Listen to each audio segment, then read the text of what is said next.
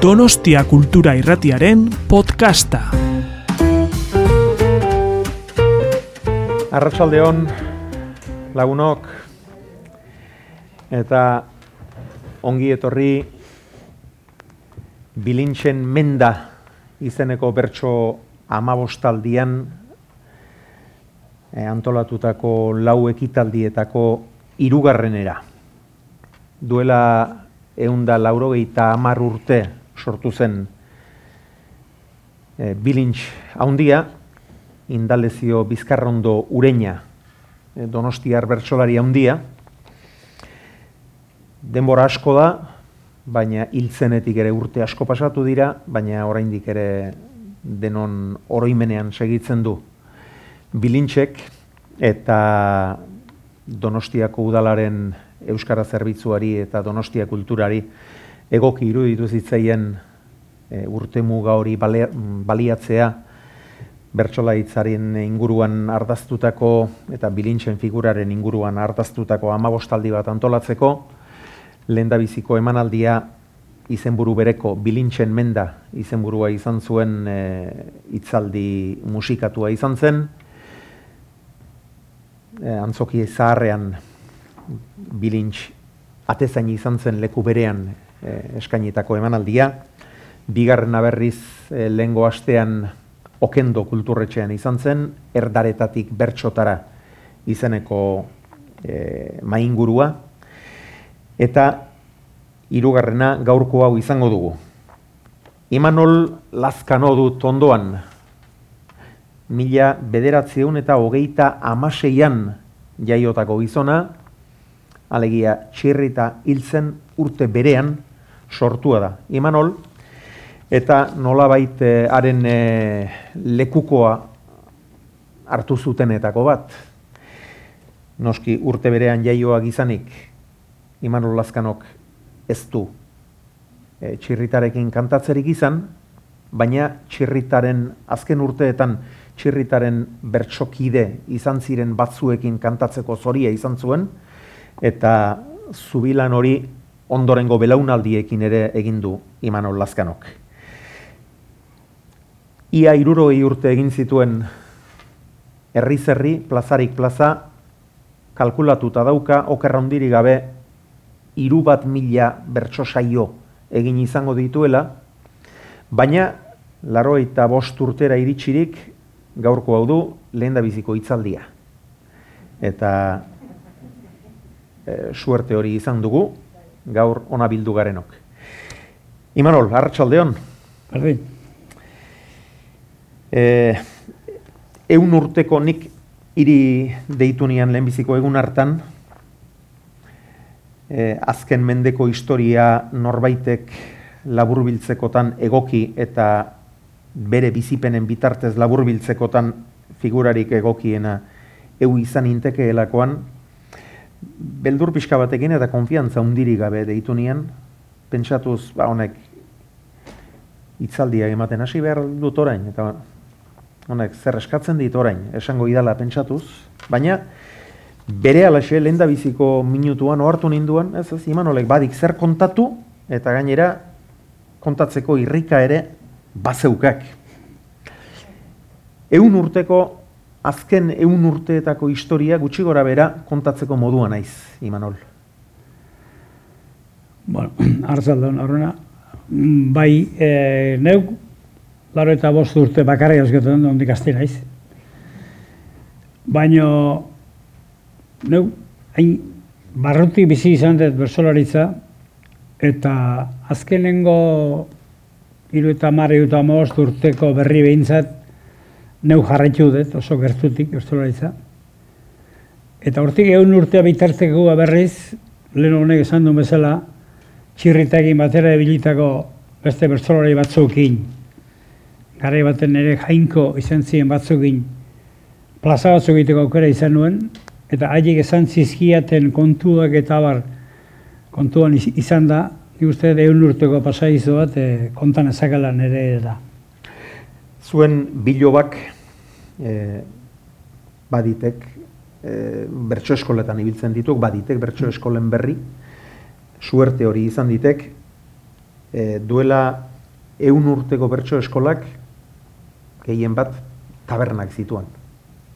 Bai, taberna, tabernak ziren gara hartan, bertso eskolak, eta gainera hain bazarri giroko bazan, esaten azuarteko nitzake, zan, basarritarrak herri kirolak sortu zituzten bezalaxe, bertzolaritzare apusturako bezala hartu zutela. Nor gehiagoka bizi-bizi jazien da, tartien, ba, nor beha zapaltze horretan gaizki zamar bazan esateko ere preste eta pixka bat alako e, bertzolaritzan nahi baldin ba, nahiko gogor bat bezala zen gara hartan tabernako bertzolaritza hori.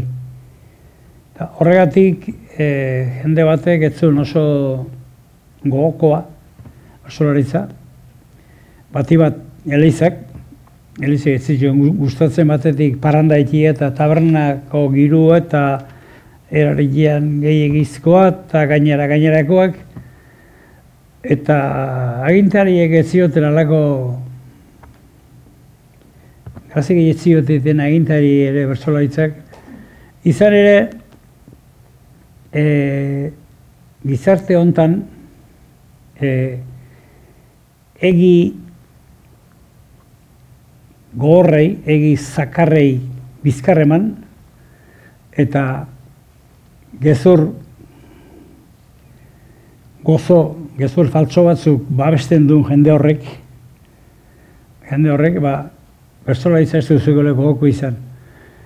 E, leko honak esan zuen bezala, berzola herriaren aboz izan danez, berzola bere baserritar izate hortan, da tabernako giro hortan ere, tarte tarteka herriaren sentimentua gazaltzen zituen eta orduen esaten zituen gauzak ez Elizak eta ez agintariak ez zuten oso ondo tragatzen. Bersolaritzan izaera. Zorionez, Lekona, Manuel Lekona paiz gazte bat izan zen orduan, hoi hartzuengo semia, bertsolaritza nahiko barrutigen ondo harakatua zuena, eta eleiztarren baratz, batzar e, garantzitsu batean, esan hemen zuen, bersolaritza tabernako lau moskorren mundua baino zerbait geixi gozala. Bersolaritza herriaren ahotsa zela. Eta orduan horri jarraituz, asmatu zuten, ba, mila behatzi da, oita ama hosteko lemiziko txapelketa ospetsu gura argazki gura gehiago ikusiko zen duen, txirrita handago, bere irudi mardularekin, eta haren inguruan guk ezautu genituna behintzat, txapel, zepai, ustapide, baserri da horrela. Eta txapelketa hartan, txapelketa hartan, persola oso baserriko baldin mazane, kaletara esan ditike, nahiz da baserrien jaio zen, baserri. Errazilien jaio zen, baina zautzen bizi zen, eta oitabi urte egin, basarek ere ez txapela. Eta gero, numai dira egin desentea izan zuen ze horrek, txaplaketa horrek, eta hogeta amaseian berriro, antolatzen hasi zianien, da txirrita galako ospea zuen ezkero, txirritaren ahuntzani, juntzianien, zan amentzun, zaruzko kaste hori baldi da, bai, eta ordu nire noa. horrek e, bersoari ematen dion beste joskura bada, hori ikasia da gure aldian, eta horre beste maila badauka. Eta hori jute baldin bada gu juti alperri da. Ni ez nizko dango. Eta orduan basarari esan zioten, gai jertzaile bezala juteko. Eta hogeita amaseian, basar egin zuen, gai jertzaile bezala. Eta gai asko edo gehiena behintzat, bertsotan jarri hemen zituen, da bar. Eta eta amasei urtan txapela, txirete gira zizun. Irabazi, entzun izan nioenik, orduko berso sale batzu gerora, e, ustapidek merezi zuela, baina txirreta zuen ospeatik, txirrete eman ziotela. Kontu da bentsat, txirreta jantzizun, txapela, oeta amaseiko urtarri lezan, okorra espaldi manago, eta handigen hiru bat hileta biltzan txirrita. Eta gero ondorenien etorri zen, dalako gerra madarikatura, eta haren ondorioz, e, alako egurru bat sartu zitzaion, euskal giro guztiari, eta hamar bat urtian ezan izan aukerarik, bersotan egiteko eta bar, basari bera ere e, espetxeratua izan zen, gero lan behartutare eraman zuten eta bar, eta etzan bertso girorik. Eta basari goiek bukatu zituen garaian, igual berroiko amarkadaren azken aldera, berriz, ba, basari atera zanien, basari gertzen ba, indar handi egin, bere ibili horretatik, eta ustapide jarri zitzaion bere bikotekide bezala. Gainuntzeko bersolariak basarin berritasun hori zementzuten oso gogoko. Eta ustabide berak ez, aurreneko asera batean. Baina gero konturatu zanean, ustabide buruz eh, askarra zen da, gero konturatu zanean, etorkizunerako bersolariza basarriren giro horretatik zitorrela, basarri egin bikote bezala lagun egin, eta bersolaritzan historian izan den bikote garrantzitsuena izan dela ustenik, garrantzitsuenetako egintzak utxinez, basarri eta ustabide. Eta garai beretzu horretan, beste gertakari bat gertatu zen, iparraldean, e, errandorena apai, zera, zendagilea, zizurkilien jaio esala ustez, gero ondarra behin bizi izan dago ura ere zendagilea oso abertzalea, eta gara garaian e, bere bildurrekin ura ere iparaldea joan zana. Eta iparaldean egintzun alako harak eta berezi bat, erri eta aurkitu zituen bersolari pertsotako gaizan jende pila bat.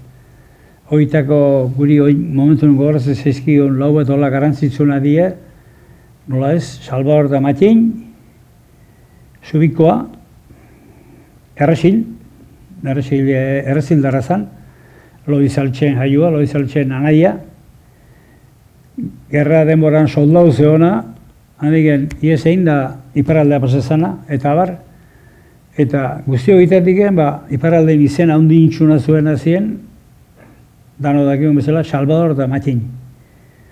Eta guk e,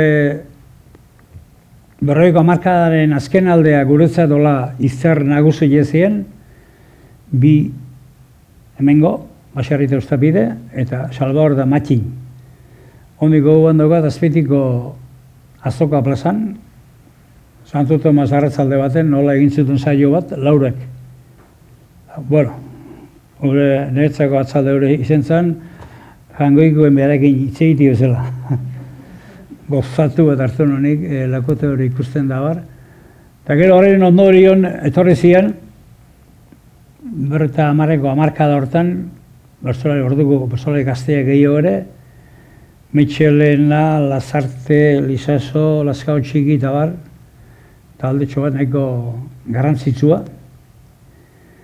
Eta bizkai aldetik ere, lehen ez eta ipatu, baina lehenago ere bizkaien abazia mersolariak, haile dago bi ospetsuenak aita semiek, urretxindorra, enbeita aitona, oingo onintza enbeita honen birreitona, eta horren aitona Valentin, arekin e, beste kantatzeko suerte izan nuen, Eta horien ondorioz, etorri zen talde bat,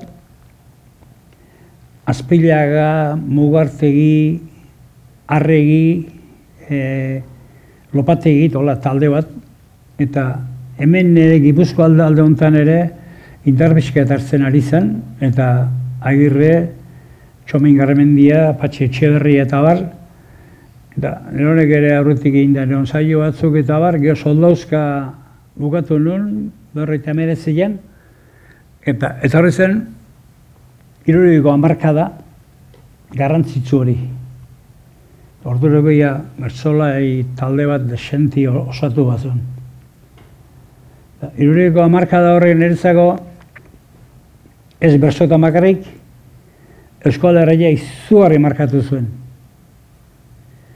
E, lehen esan dugun gerraren ondoren gerra bera, egin zituen aberiakin, eta gerran ondoren eman zuten egurrakin, bazirudin eskualerria dia mutu gelditu zehola, baina irudiko amarkadan, e, gazte jendea, hasi zen, pixka esnatzen. Eta asko ziren, gara hartan, hainbeste aur jaiotzen ziren da bar, eta e, ezagit, bokase joz, edo maian kabitzez ginelako, konbentura jende asko juntzan. Baina denak ez ziren apaizi edo fraile egin, handi atera zen gazte jende hori, biskat eskolatu agua zen, eta biskat ikasi agua eta bar, guzti horrek sortu zuen, alako borrokarako gogo bat, e, eskolarri hontzan, eta Frankon da ditaduran bildurren gainetik, e, etare, bere gora bere gara hortan sortu zen, ez do gamairure gara hortan sortu zen, izan zen giro bat ola Ikastolak. ikastolak, e, hola borrokarako grina izugarria. Eta bersolai hartien ere, e, giro hortan pixi bizkate ez bersolai denak, baina e, alako borrokarako grina hori sartu zitzeien, da sartu zitzeien garbizan da, Orduango izar bezala beti aipatu die eta arrazo ikusi egin. Lopategi eta azpilaga izan ziren eta e, kaleko jende leheno bersola ditzake zerre esate zion jende hori, hasi zen, e, bersola behira ze gauza esate joen, eta hori garrantzizko jende hori eta bar da, eta hasi ziren bersola gana gurean hurbiltzen, eta baita berso saioak antolatzen ere. Eta berso saioak naiz zineman edo pelotaleko baten jartzen zantoko jartzen zala, betetzen ziren toperaino. Eta giro izugarria sortu zen, bertso mundu eta herriko jende horren tartien da bar. Horrek esan nahi du, lehen hain baserritara zen bersolaritza, kale tartu e-, egintzala oso denbora gutxian. Eskarrak horri. Bestela, baserriak azkeneko berrotomar urtien eman duen beherakada ikusi, eta bertzolaritza basarritaren giruen gelditu balitz, horren gare bateko ustarriak erakusten dira bezala, bertzolaritzara izango zen historira basatako kontu bat. Eta giroarek eragin izugarria izan zuela ez da zalantzarik, eta kaletartze horren barruan, kaletartze horren barruan, e, euskeraren da bertzolaritzen zori onerako, e, lehenbiziko berso eskola sortu zuten, hartxabaleta eta arrazate eta inguru hortan. Eta hain zuzen gainera, izugarri emaitza ona eman zuen lehenbiziko berso eskolaarek. Ez da begiratu besterik, Sarasua, iruan aiek, Gizartzeleia, Arantzazu Loidi, Goikolea, antolatzen dut bat semea, eta inorrat egita ze maila eman zuten, eta giro hori ikusita, giro hori ikusita, eskolari osuan hasi ziren, bizkana, bizkana, bizkana, eskola sortzen. Eta berzo eskola horrek eman du, lehengo taberna soiliak ziren berzo eskolak, eta gero giro horrek eman dio esko, eskola berzolaraitzari, berrikuntza izugarria, eta bertzolaitza landuago bat egiteko aukera. Eta horregatik dago gaur egunien, dago amezalako maila. Eta gero guzti horren joanean, esango nuke, amoritza berak entzungo galo ere jo garzea handi gingo, baina bertzolaitza uste dut, Frankori eskerrak eman berrein da hola, amoritza espetxea emantzutuleko. Amoriza espetxea joan aurretik ere e, bertzolaria zen. Ni gure esautu nuen berriatuen, bizkaien. Sotan eta guzti? Bere, bai, bezpa txuri baten, sotan eta guzti etorri zen, apaiz bertzolaria, eta aharantzun bertzotan, ondo aski. Baina gero kartzela joan zen hortan, beste burutazio hori dana gaztuta, numait landu zuen bersolaritza barru, barru, barrutik bizi zuelako, eta idatzi zituen liburu batzuk, mm, zu ere bersolari bat behintzat, eta bestia, iztegi rimatu eta bar, eta horietan Zaren- lehen, Zaren kirol nazionala. bai, eta intziun lan ikeragarria eta bea ertentzun eufori bat egin, eta gehiago, hola, amoritzen aipatu duten ezkio, oindala, te, la urteo bost zerdien, utzi zuela bersolaritza errezerri biltze hori, eta musikan omenaldi bat entzioten behai, baskari, launarteko baskari, eta niko ameretan zian. Eta han kantaren izuzkoan, bertso batzuk, eta hango bi bertso kantako ezkit. E, Amoritzei baskal ondoen, bere emazte egin da zegoen, da, e, naiz sinistun izan zen, Kantatu izan. Naiz sinistun izan zen, Kristoren mezuan, eta gazte denbora pasa errezuan. Beldurra galdu ala inpernuko zuan, txirritaren dotrina aukeratu zuan.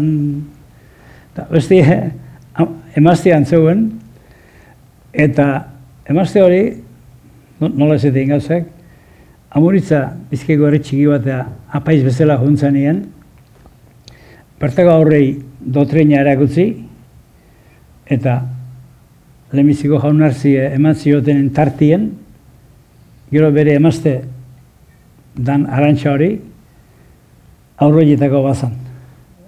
Eta gero handik urte pila bat pasatak gero, ba, bera egin eskondu zen, da egun hartan, antzan mailan emazte hori ere, eta horrekin bate ondoren kantatuko berzu da, Ta emazte arantxa, dama berezia, amuritzak beraren erara ezia.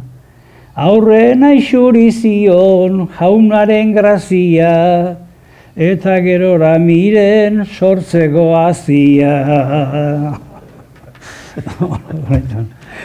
eta guzti horren ondoren, ba, hain euforiko atera zen amuritzak kartzelatik, espetxetik, eta herriz herriko ibili horretan, e, bere bersokera berri horrekin da gatz horrekin, lauro eta laroiko txapela, eta lauro eta biku behar irazi zitut.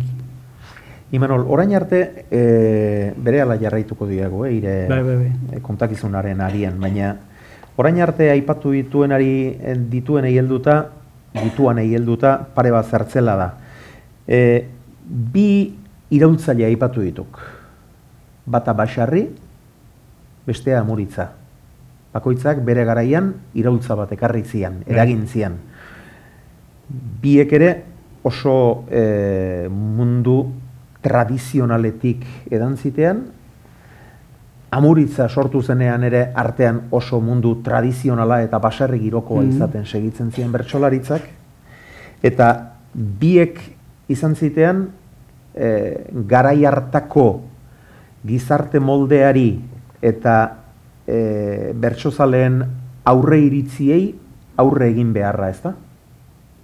Biek Bai, ere, bai. biek ere e, langa eta koska handixamarrak gainditu beharra izan zitean, e, beren lekua lortzeko eta e, bertsolaritzan norri izateko. Bai, bai, dudik ez, dudik ez, eta e, nik beti esan detana da, eta beste behin esangoet, e, aurrera pausoa ematen danien, hankaz bilen beti zerbait buskatzen da. Eta noski, basarriren molde berri horrek. Eta amoritzanak ere hori intzuen, baina nik uste puskatu baino askoze gehiago irabazi zuela bersolaritzak, eta esate bateko gaurko bertsolaritza ere hain do maila altuan, baina aurora pauso horietan garai bateko bizitasuna eta umoretik bitxematen galdu du, eta orduan galdu zuen, baina irabazi asko gehiago. Eta besti iruiko amarkada ipatu da, geho pasagera ia goitxo baino, iruiko amarkadai beste zau bat emateko, e, iruiko amarkada lehen ez duzan, sortu zituen lau txapleketa da bost, oiztia gaitea guzta. Ez. Ez. Iruroiko, irurogilean izan zan lehenbiziko txapleketa, eskualtzen dira antolatu zuen, eta gero, lau izan zian zerrenkan, eh, errenkan, eta laro eta hiru eta sortzilean okor ez baldin manago, e, beste enpresa, pentsu almazen potente bateko enpresa baten ba- babesien, egun mila pesetako saria jokatu zen. Pentsa zer izango zen garai hartan. Garai hartan. Eta arrakasta izugarria izan zuten saio denak.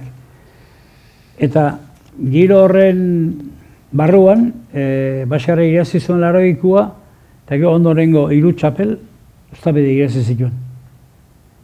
Eta ustabide osartuko nitzeke esaten, zuen izateko era, da zuen kantaera, eta bere argitasunai esker, txapeldunetan eskuadarrean izendan maitatuenetako bat izango zen ustabide.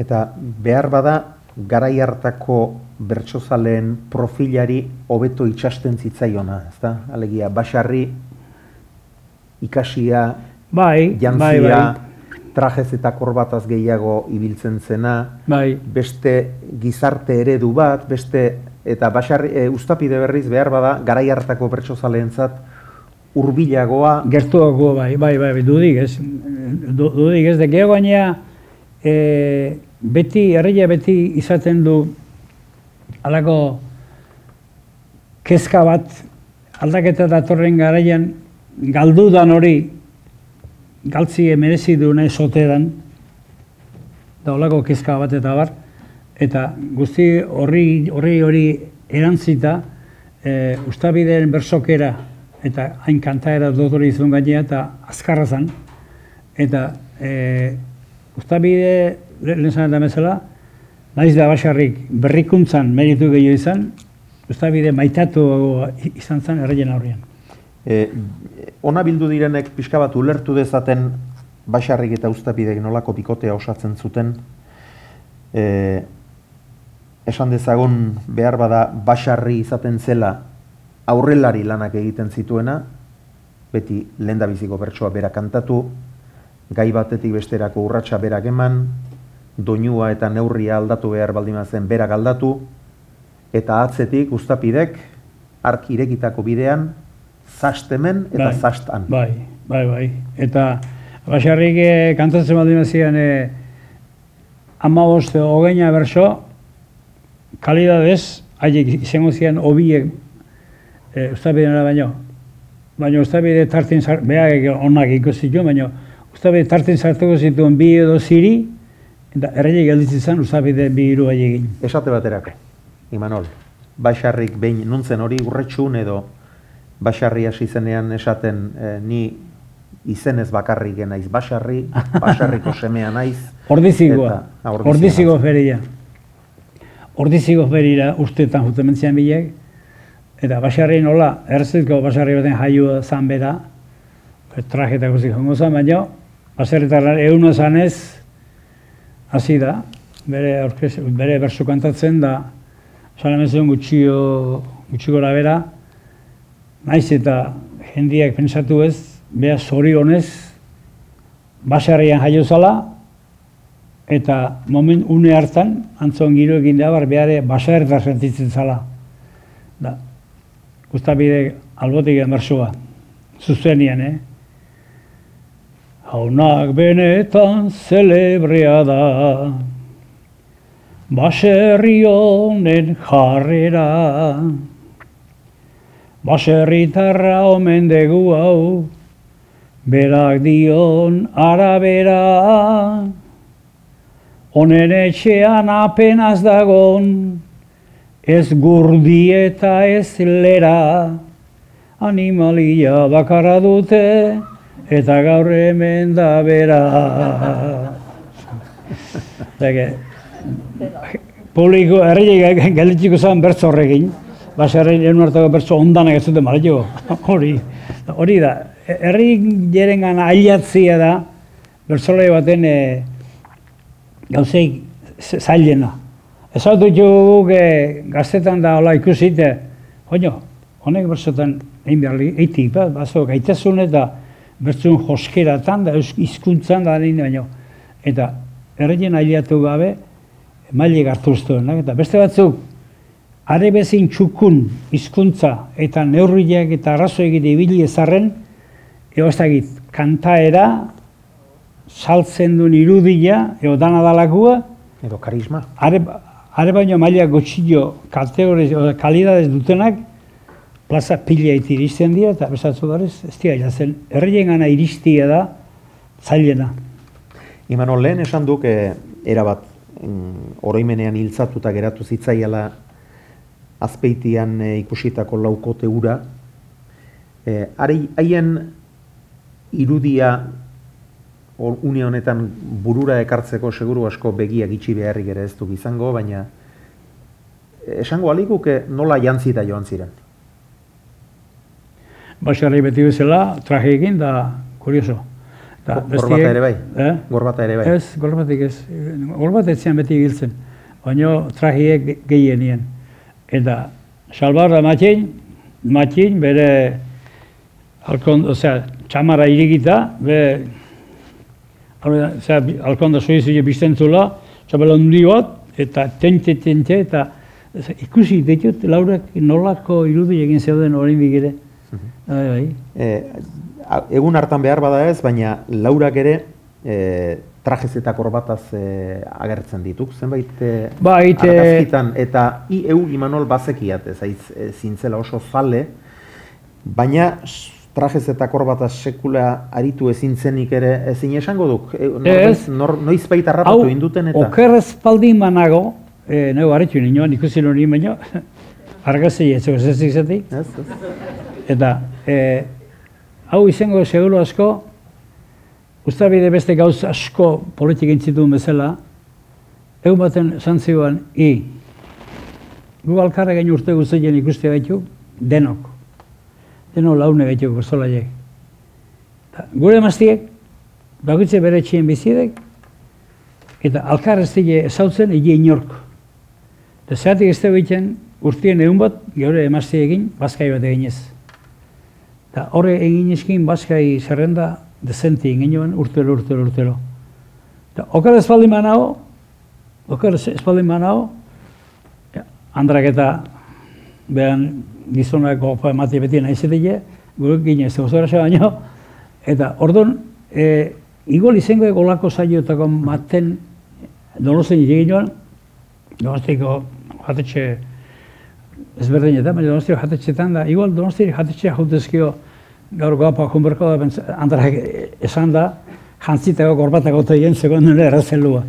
Bezala enago batzen ni bersoetako saio batera, gorbata egin kono izenik sekula. Alata guztiz, e, hementxe bertan, Victoria Eugenia e, eraikin berean gaudek, eta txirritak eta Fermin Imazek izan zitean, e, gerora oso famatua izan den, eta bueno, e, historiarako geratu diren bertso sortetan jasoa geratu den ikamika gogor bat izan zitean, txirritak eta Fermin Imazek, e, txirrita izango zuen garai hartako kapitana edo Bai, gehien bat e, bueno, alako udaletxeren edo alako udalen abisua jaso eta bueno, txirrita e, etor zaitez zeu beste hiru bertsolarirekin. Bera noski barnean garai hartako e, bueno, bertsolaririk famatuena eta osperi gehien zuena eta gero berak aukeratutako beste hiru. Eta egun batean gertatu zen e, hemen Donostian kantatu behar zuten San Tomas egunez eta Fermin Imaz Donostiar bertsolariak ura ere e, bilintz bezala Donostiarra eta Fermin Imazi jakinarazi zion edo iradoki zion e, bera izango zela kantatuko zuenetako bat. eta Fermin Imazek traje berria eginarazi omen zuen egun hartako saioarekin, egun hartan kobratuko zuen jordan, e, jornalarekin ordaintzekotan. Eta gero zer da, eta txirritak deitu ez. mm. Eta traje berria bai, baina nola ordaindurik ez, gizajoak. Baina honekin esan nahi diat, orduan ere, saio batean, estreinatu nahi zian trajea, Fermin Imazek. Bai. E, plazara irteteko Bai. e, ongi jantzita joate hori horri ematen zitzaiola garrantzia. Ba, beti, beti, eta e, bertsolariak e, plazari e, bildurra eta errespetua beti izan ziok. Eta nik lehenbiziko, lehenbiziko basar egin, berso saio bat egin unien, hola bilo galkar egin, honen joan alago izu puntxu bat egin, honen emozionei egurra pentsatuta, eta mitxe, anoetan nuen, eta zantzen, tore Manol, nio nio hosti gara bebele gaina egiteko eta. Tore ne, ni hasiko naiz, e, sortziko handi baten da zuz egin lasei. Da, gero, e, txiket doinu aldateko nik, eta puntu den zerexo bat ingo dut, eta bale xarlago da, eta, hala. Dik, da, da, da, da, zailin gena. Ikustezu? Hola gaudina de gustu eta barra. Horregain, esan nahi dut, pertsonaiak alkarregin ondo konpontzeko arrazori bat, arrazoi bat izan da, beste talde asko izan ez dutena, trikitilaien artien alkarregin alako ikamika gehiago sentitu nuenik, garai bat emintza duen izagin nolako batzen dian. Persolaiak herri baten aurrea ateratzen danien, herri bati aurre emer dionien, mikrofon honde garai hartan gaina mikrofon batez, gelditzen zen, ja, larro isi bezala, ostra, baraketa etxite aldako, eta ez dago, eta kezka horrekin da, barak, gehiago baina, e, dauken babes bakarra da ondoko launa. Eta ondoko launa ean, saio hasi horretik egiten dien ahopean txeko bi hiru hitz horiek izateie, ze doinu hartuko gea, o ze gaitaz hartuko gea, o gare baten gairik eta etzean amaten da, bar da. Eta orduan behartute dago ondoko horrekin momentu estu hartan, momentu estu bai da hori. E, Ez dakizu urteko eunik onena dagoazun, edo txarrena dagoazun. Proba egiten dezun arte, ba bateko dezunan arazu da hori da bar. Orduan, ez, hainbeste eskartzen duzu albokuen babesa, esango nugia bertsolaia izan die kasu, alkarregin nahiko bihurri baina orokorrien bertsolaiek e, alkarregin izan deun harreman gozo hori da, girua galaxe behartu gaituelako. Baina hori ere gerora etorritako zerbait duk. Izan ere, ik lehendabiziko plaza, emezortzi emeretzi urterekin, azkoitian, azkoitiko martiri eta auzoan egin nuen. Bai, Eta bazekiat, e, beldurrak aidean joan nintzela. hori bai. Alde batetik, lehendabiziko saioa zelako, eta eure buruarengan konfiantza hundirik izateko motibo hundirik ere, ez zuen izango noski. Baina beste alde batetik, egoi, egile horrekin kantatu beharruen. Egile hor bergarar bertsolariarekin. Eta ark sekulako gogor fama zian. Eta garai hartan, Bai, e, gaur ez bezalako joera izaten zuen elkar zapaltzeko, hala? Horre bai, horre, horre batzuk bere zera ikuspegi nahiko netzan nahiko garbi bat. E, gu azpetiko hiru agirri lizaso eta hirurok eta bar, lizaso gu plazatan hasi ginenako, ustabede egin da basarrekin saio batzuk eta egiten hasi zegoen, eta gu basarriren bertzo gintza hori, bertzo kera hori, bastante gertutik ezautze ginen ordurako. Baina egile hor, gero ezaututa, zerenek, ba, goitu gume, eiruak, honekin egi, duda hori eduki ginen, ba, hor baino gizon hobeik, eta laun ertin gozoik, bertzole ertin ez dian izautu. Baina, bere bertzokera lehengo txirritan giroko joketako berzo uroan, haren bertzokera. Eta gu bere pitin bat gehiago lan dut, bitxen dugan, gure motxien, e, eta aigerek eta lizazo egin da abar da, beste ikuspegi bat azitezan ordurego, eta ure bazirudik, han, eluzutik el, gertu, bakarri bizitzalako, giro horta sartu gabe zola, eta jotzaile fama izugarri zian, eta nik emanean alako izu bat izugarria, e, enea, jona egina, agirrein jutezko jongo nintzela, baina egil horrekin nintzela jongo. Beste getzola eta jun bara derri hor azkeni bintzat e, joninon. Eta, bueno, eta, geho egile hor ezautu bendu bezala ezautu, eta nahi berzole hartzen izendetan maitatu netako izan nian da, jo, niko negin dudoi egin izkian ba, nik nire buru askotan galdazua, baina ba. Bueno, beste ba, besteren bat ezagutu duk, e, egile hor bezain gozoa etzena, esate baterako bertsolari izugarria zuan, Jose Joaquin Michelena, baina ark bai izaten zuela e, bertsokidea zapaltzeko Bai, intentzioa. bai. E, eta etzian jakin bere doairik handinean nuntzon, etzian ikasi. E, ezuan pentsatzen jarri sekula ze bertzokera egiten zen orokorrien, ordurago, eta ure zala, etorkizioneko bertzola ditzen. Bere lehengo alkar puskatu behar hortatiken ezuan atera, eta beste inok nola nahi ez zuen izaten e, bertso luzik kantatzek eta bar, hortentxo txarrana gainea, sortzeko txikile noan, honen aura. Eta hizkuntza nola ez zuen gehiegi dominatzen, bertso luziak e, lasto gehiago ataratzen zuen biztara. Zortziko txikileak ez aukera ematen lasto asko sartzeko, eta zortziko txikile, da bertzola bertzola joan, mitxelena. Baina ez zuen jabetu bere bertzokera honena nun egon ziteken. Eta, egiten zizkian tarteka tarteka hankazartzi, eh? nik pare egin itxuan da bere mailan sartu berrien eh, paso ematen itxuan aurrea. Baina ark, ark igual egiten zian Izan zizkian batzuk pun- gine. puntutan hasi, eta existitzen ez diren herrimak Ah, jarri, bai. be- e, berak bat bazekielako, gaur zerbitu gaituzte bi neskame tristek, eta bisigu e, eskasaskuak ekarri jakistek. Eta alako herrimak eta besterik ez osatzeko modukoak eta jarri, laguna parregarri usteko. Rima berritik dizkina da behak. Izkuntze kasu egin gabe. bai, ede. Hori, baina, horrea ailatu beharrik gabe, bersotan, ondo iteko gaitasuna bazian, arek? Zortziko txikitan da bere terrenua onena zeintzen jakin balu, baina ez honen, entero? Tristi hori direk.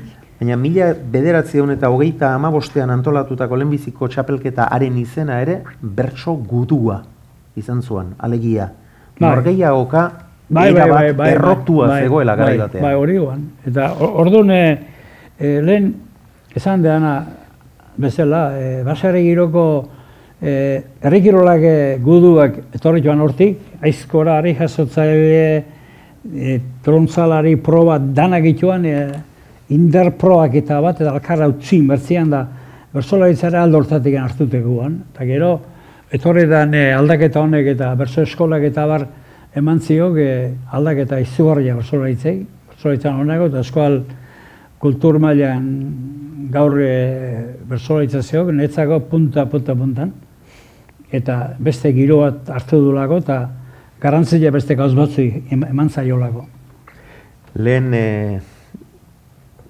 eraman nahioen ariari berri zelduz, Xabier Ramuritzak aldaketa hundiak ekarri zitian, eta e, larogeiko txapelketan ez hainbeste e, neurri eta doinu aldetik eta, baina larogeita bikoan behintzat e, sekulako aldaketa, Mm. orduan e, entzun genitien lehen biziko aldiz, ba, naufro, naufragoaren e, doinua bakarrik ez, bertso egitura eta e, berriak erabat. E, geroztik izan den bilakaerak zenbateraino asetzen hau, e, zenbateraino duk gustuko e, zortziko txikitik eta ikemen kantatu dituan eure bertsoak, orain arte kantatu dituan biak zortziko txikian kantatuak izan dituk. Oso motxok, motxaren zale izan naiz Bai, beti. ta E, bilakaera oin- horrek zenbateraino ase hau. Oin, barkea, baina oin nire gixara bertzotan azten izen guztian da bertzo jarriak desente zeuzpat. Eta danak sortzeo txikien dizket, nire gustuko terren hori dek. Baina, ez esan nahi horrek bertzo luzi txarra dienik, e, gaur gaitasun ezego bertzo luziek ondo betetzeko eta bar, eta amuritzana pasaio durungo txapela Sebastianek jantzizian. Eta Sebastianek e, oso gaztegoan artean, eta berak eta bere inguruko gu auzoko berbertako ninoan, da guk ekezka baginoan, txapeldun bezala nola ibiliko zen, baino erakutsi zian, eta erakutsi dik, eta erakusten jarruten dik, bere bertzokera garboso hori, herriaren gana iristeko duen gaitasuna, eta gai batetik beste aldatzeko eta izen duen gatza, eta herriena iristeko izen duen gaitasun horrekin da bar, Hauzartu nahi dugu esaten, eskolarreiken plazak gehiena inditunetako behintzat badala bera. Eta oso ondo bete zuela txapeldun izate hori. Ni pentsatzen diat oso oso litekeena dela plazarik gehien egin duena bera izatea. Igual, igual. Garai batean txirritak eta Bai, ez. Ni aizen atxok, esan zula norbaitek, pentsaza txirritez ze plaza gizon izango zen, aurten emezortzi zaio indizkik. Esan zuela, eta jode, gu, egun zaiotik gora egin dago urtiak mordosuki pasan ezkinik, eta, erabat. eta berreundik Eta gorakoak Sebastian asko. beran niko gain dago, bai. Eta urrengo txapelduna izan nuen lopategi, ba, lopategi gainea beste gauza bitxi bat, lehen esan deun irudiko amarka hartan izar garrantzitzu, garrantzitzuena, esateko moduan ibilioan, eta oita bost, oita sortzi bat urtian, punta, punta, puntan ibiluan berzola izan, eta nobe bere buruan zeukan, nola edo ala txapeldun izan behar zula. Eta txapel hori lortu zunien, bazirudik, bueno, ni berzola izan egin berri indizkiet. Eta etxe jola eman geho txapeldun bezala errezari ibiltzeari garrantziri bate, eta ordurogo bertso eskolatako irakasle izenez, garrantzi gehiago eman ziola, bizkai aldin bilduta zegoen gazte talde bati, haiek bertsolari indartzu bihurtzeko, eta txa, arek izan zuen dizdira, iruriko amarkagatik azita, laro eta behatzira bitartien izan, eta txapela jantzita gero, ausartu gure jo esaten, txapeldoni grisena izan dela bera. Raru da, ez da, harritzeko da, baina. Eta gero, in- inguruak ere askori lagundu etziolako edo Bera, nik ustea, bea ase intzala. Txapela jantzizunik, bueno, nik neuri bete diat, eta berak etzoan, etzean jarri arreta gehiegi handik aurrea plazak egiteko eta abar da.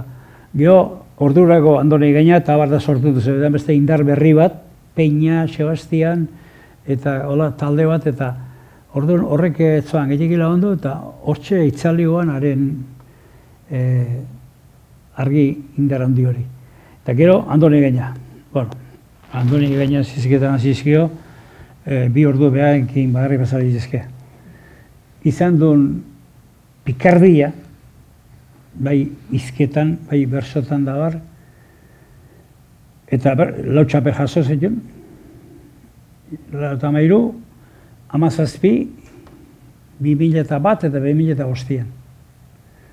Eta guzti hortan e, bertsolaritzan historian izan dan da, seguro asko izango dana esateko ere, haintxo, garratiko, erde asko hitza da, ona alde mezeo, baina izan da, nik izate dutan, todo terrenoena.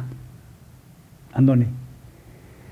Andoni izan dugu gaitazuna, unibertsitateko lau bost buruza egin, mai baten inguruan eseri, eta bi orduen, ateratzetik gaidanak ez da gaitasuna, gaina bere bizitasun aparteko bat egin. Handigen, urrengo unian egun bertan igual, goiorriko oso batea jun, da, amaboz zeo, hogei mutilzarrekin berso afari bat egin, haiei bersoz da izkietan gozatu eman,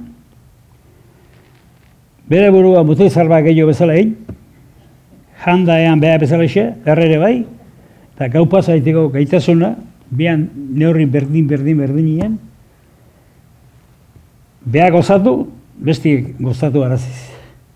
Eta horren honean ikastola batea jon, da, ota ozeo, otamar aurrekin lurrien eseri, bere barrundakoen aurrura atea kanpoa, haien mailan jarri, beha bezala jola zein, haien kontu politiek esan, eta biru ordu umiekin beha gozatuz, umiek gozarazten ibiltzeko gaitasuna.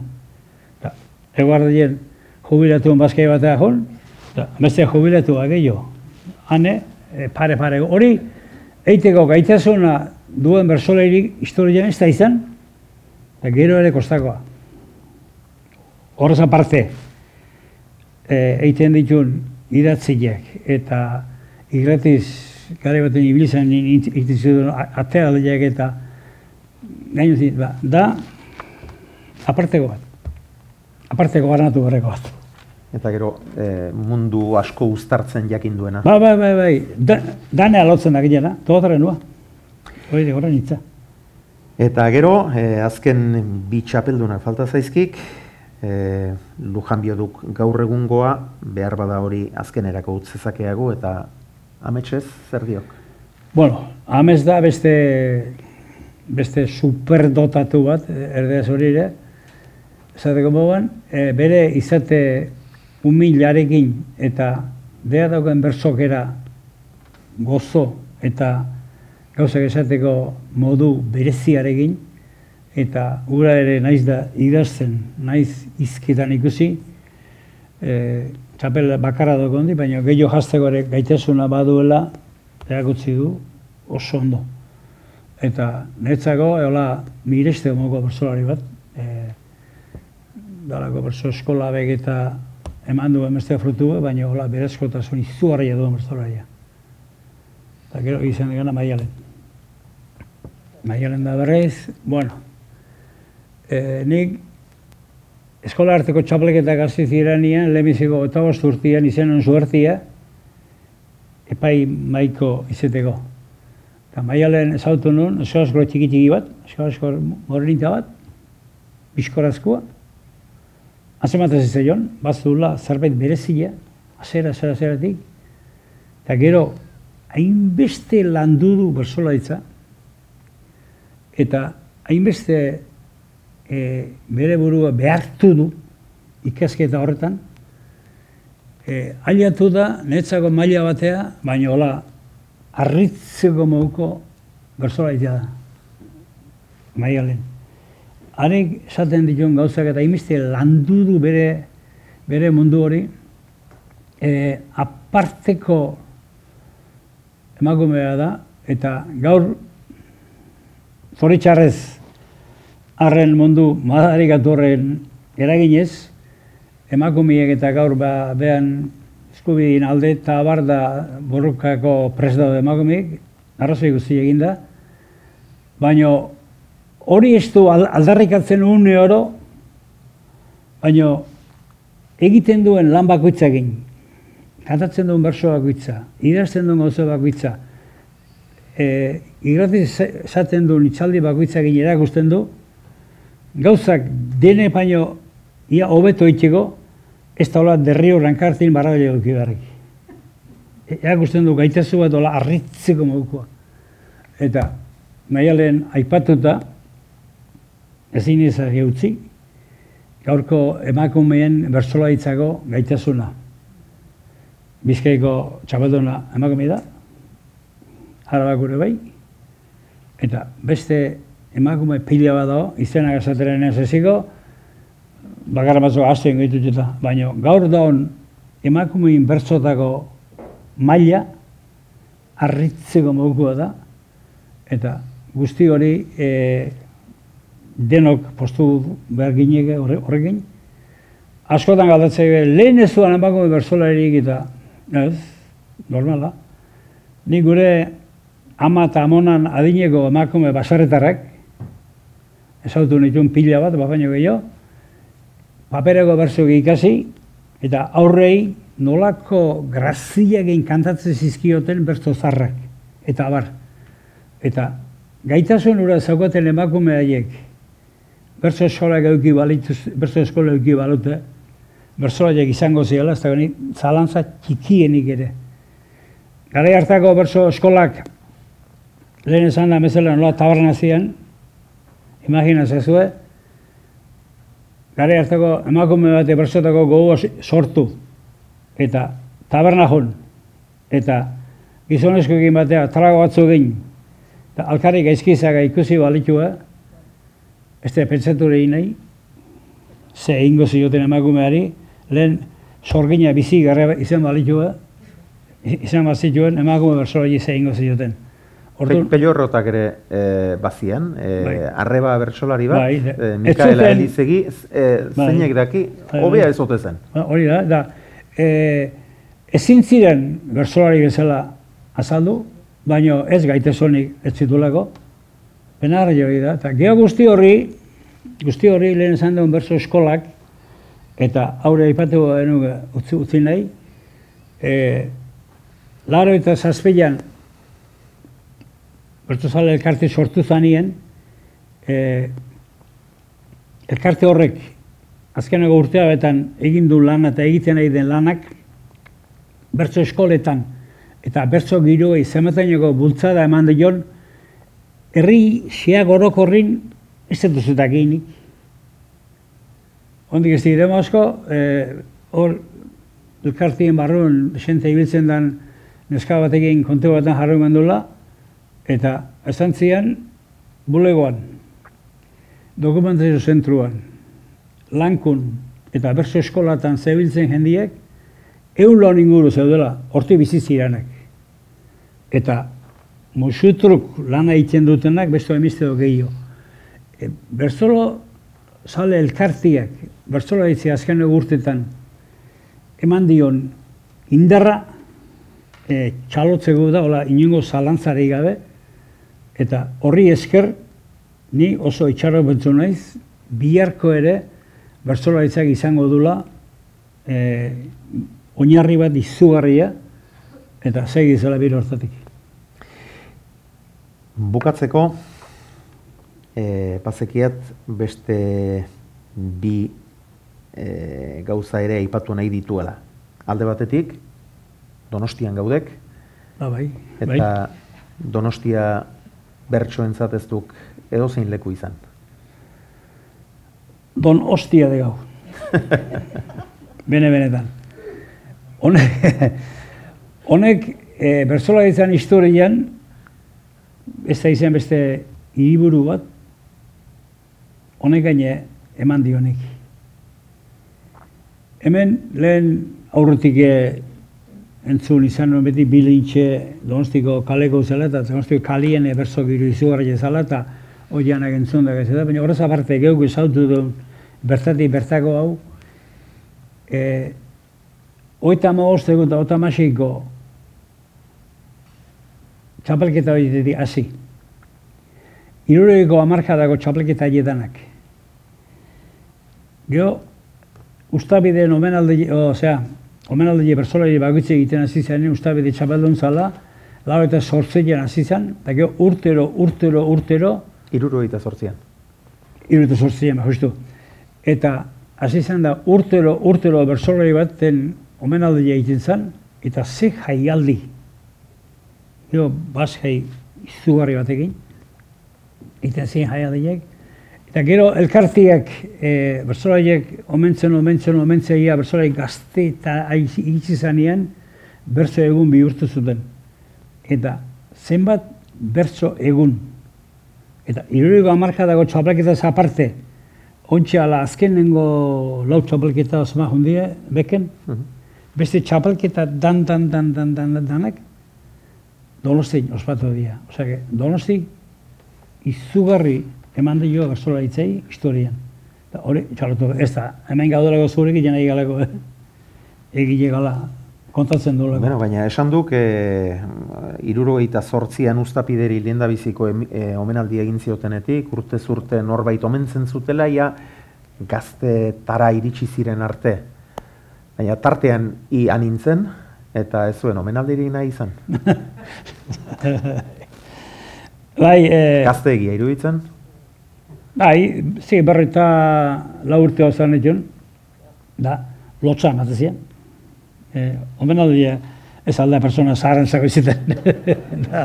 Nik genuen eh, zahartu nahi, ondik ez, eh, baina orduan gutxiko eta orduan eh, esan egin orduango antolatzaileei, bueno, eta xelebridek iriondo zen orduan loiolan, eta egi otzen itxonen baten, da, da, i, gaina, lizaso amendutu zoan, eta agirre omen zauan, urten Eta omen dutako bersolaiek bastar baten jartzezian ezena joan, eta omen du etzinak kantatzen zuten berso, berso saio izango izien. Eta bar, eta nire betzen, oi ba, dios. Azpetiar anormal mordoa jongoek, ikusi goi Jose Lizoso omendua, agirre omen zen, eta urrunguni, horti iztea paso nahi. Irondi zen etxan, i, Jose bazeudek, Jose Mari Iriondori. Jose Mari Irondi zen etxan, bazeudek, Loiz Aletxe eta bertzolei onna izan dienak hemen, erreiek astutu dauzkanak, eta irrati zeizea propaganda pixkat, bertzolei astutu zen, jende batzuk, akorratzi komeni ala, eta jende heldu eite, e, alegile botu botatzeko, erreile botatzeko izan botua, urrengo urtien zein izango zen txapeldon, eta alegile erreile izateko, bertzolei heldu behi botu botatzi komuniko zala, eta historia hori da bar da, neuri zizten kontatzen erreile, i, hiri ondo zertzeu hire kontra. Zer, gata, hauta esaten ari eta, otzi ondo, utzi bagin, ondo, ondo edeko hori. E- Ezin, nezio, esan, nego zan jonik. Gero, aila baina nire ostira, antolatzen gero nozan, ure, zera? Salaberria. Salaberri, esan joan, zu, botu jauzi dituzu nien, mesedez, publiko izan baino leheno, etorri neana, eh? Eta, lopatek izo amestia, orduan izen desente zegona, eta lopatek gura haituzunin, ostia gaina egile, irima goi gaur.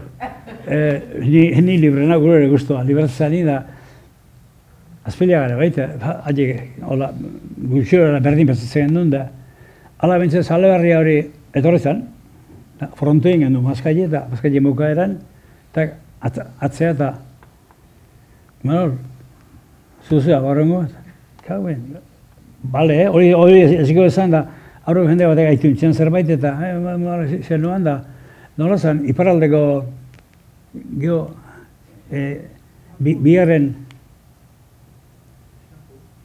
ez, ez, ez, ez, ez, ez, beste bat, eh, bere izen bereku beste bat zarru, Hau bela, letxe, izan egin den nahazten ez, bitxet, eh? Etxaun. Etx, etxaun zan, eh, ai- aipatzen zana, etxaun aletxe eta hola izen morsu izan da bar. Eta, bintzet, eh, zein da bigarren da, etxaun da, esan etxaun hola. Bai, baina etxaun da kitxo da, nire ondotik, eh? Bueno, urrun urteko zea, botazi, botoko jena jaso une, etxaun da, eta jendi barbar batzuk azeituan da, baina etxaun da kitxo hola galdi bat. Eta gero kasolea die, etxaun tartetan hil nuen. Urrungo urti alde bat egon lehenua. Eta orduan, hasi zen, elkartia, e, erabakitzen, da, handik atzean nituan, ba, iruneka, bertzolai heldukin da bar, da beste irulo bat omenaldi. Da, gero, zan ginen, ba, bueno, zergatik ibili behar dugu omenaldi egiten urtero, handik atze egitituan berzo egunak. Eta berzo egunak oso ospetsu ginitan hor. Azken baten, hola, hola handik historia hori.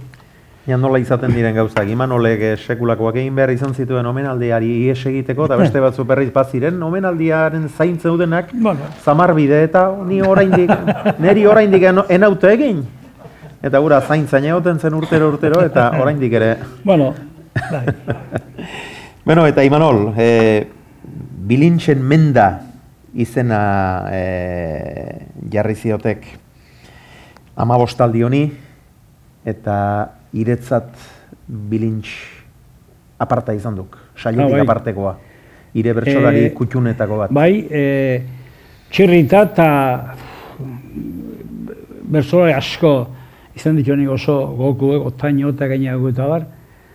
Baina bilintxi baina jo nolako e, zea bat e, maitasun berezi bat bertzok eran. Da asko sortziko txikitan itizien gaina ere eta e, iz gutxitan gauzak ze dotore esan, askotan ezagetan bezala, e, nik askotan esan diate, bersolai bat izango golitze jo gaurko txapelketa baten kartzeladeko gai baten etorrita, ze begizula ondu xamara egin zaudu, ze gertatzen zaizu. Esplika jozu, mesedez da, esango balo, triste bizi naiz eta hilko banitz hobe, badauka bihotzian zenbait atzekabe. Maite ba maitatzen dut, baina haren jabe, sekula izateko esperantzik gabe. Amar puntuten esan lehige gehiago eta garbilo, hori hori da. Eta bersu ezala iz gutxitan asko esatia, ez hi- hitz askotan gutxi, nire galdera dira ez da. Eta bilintxe bazuen doain birezi bat, eta bersu hasteko e, zari bezala, e, loreak udan intza bezala maite de dama gazte bat. Gata hortxe, ja. Es- esan da zeudana, ezak.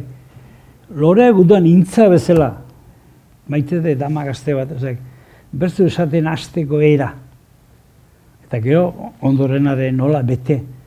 E, gaitasun horiek netzako bersuen balio handien hortzeu.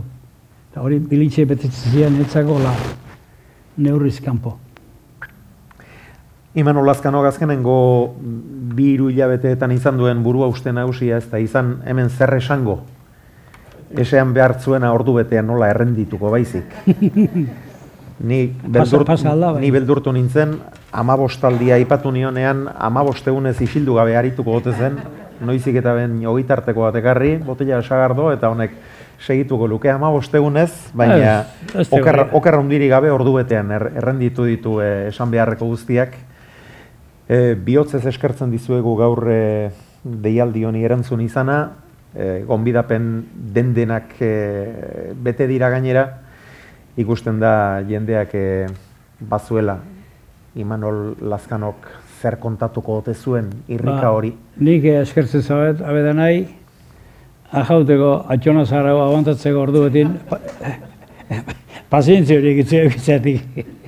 Ba, eskerrik asko Imanol, eskerrik asko zuei e, Donostiako udalaen Euskara Zerbitzuaren eta Donostia Kulturaren izenean ere, eta, bueno, amabostaldi honi azken ekitaldi bat geratzen zaio, asteburuan izango den bertso saio bikaina, Joserra Gartzia gai hartzaile dela, han izango dira e, Beñat Gaztelumendi, bilintxen herrikidea, ura ere Donostiarra, Maialen Lujanbio, Alaia Martin eta Andoni Egaina. E, sarrera hartua daukazuenok goza ezazue, e, sarrerarik ez duzuenok mm, berandu xamartza biltzate. Ja, jendea galdezka dabil, baina ja sarrera guztiak e, salduta daude. Eskerrik asko berriz ere, eta, bueno, Imanol Lazkanok irumila bat plaza egin baldin ditu, Beste bat, beste bat, Ez ez daginik, irumila saiotan e, zenbat e, bertso kantatu ote dituen, askoz gehiago, kotxean bakarka kantatutakoak, gaur beste bat eskatu behar diogu.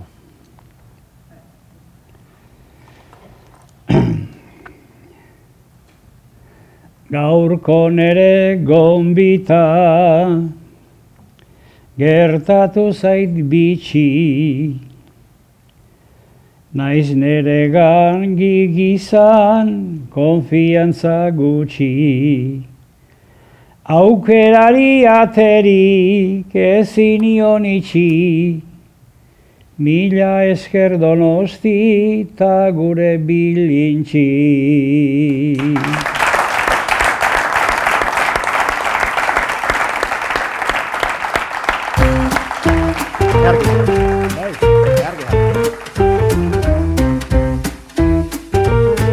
Donostia Kultura Irratiaren podcasta.